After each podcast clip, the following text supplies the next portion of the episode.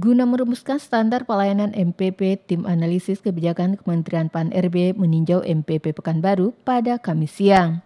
Dari pantauan di lapangan, tampak tim analisis kebijakan Kementerian PAN-RB meninjau MPP perizinan dan juga MPP Dukcapil Pekanbaru. Kepada wartawan, Ayu Isti selaku analis kebijakan ahli Pratama Kemenpan RB menjelaskan, ini adalah kunjungan lanjutan yang dilakukan oleh tim dari Kementerian PAN RB ke MPP Pekanbaru untuk melihat bagaimana pelaksanaan peningkatan operasional MPP yang didukung oleh teknologi. Nantinya dikatakan Ayu, pihak Kementerian PAN RB akan membuat standar minimal pelayanan yang harus dimiliki setiap MPP atau berupa standarisasi layanan.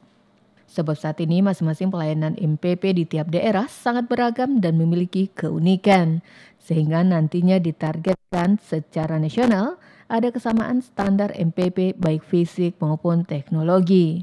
Harapan Kemenpan RB lagi minimal masyarakat yang menerima layanan punya satu kepastian yang sama antara MPP 1 dengan MPP lainnya. baru ini termasuk MPP yang uh, sudah punya komitmen uh, menyediakan tidak hanya secara fisikly tapi juga uh, dukungan teknologinya sudah mumpuni gitu. Hmm. kan makanya kita dalami lagi uh, di tingkat nasional nanti akan ada uh, proses standarisasi layanan di MPP jadi diharapkan secara nasional kita coba uh, lakukan penyamaan standar gitu. Jadi di tiap daerah nanti punya satu MPP yang uh, standar minimalnya sama. Beliau untuk MPP Pekanbaru menurut Ayu sudah memenuhi enam aspek pelayanan yang ditetapkan oleh Kementerian PAN-RB.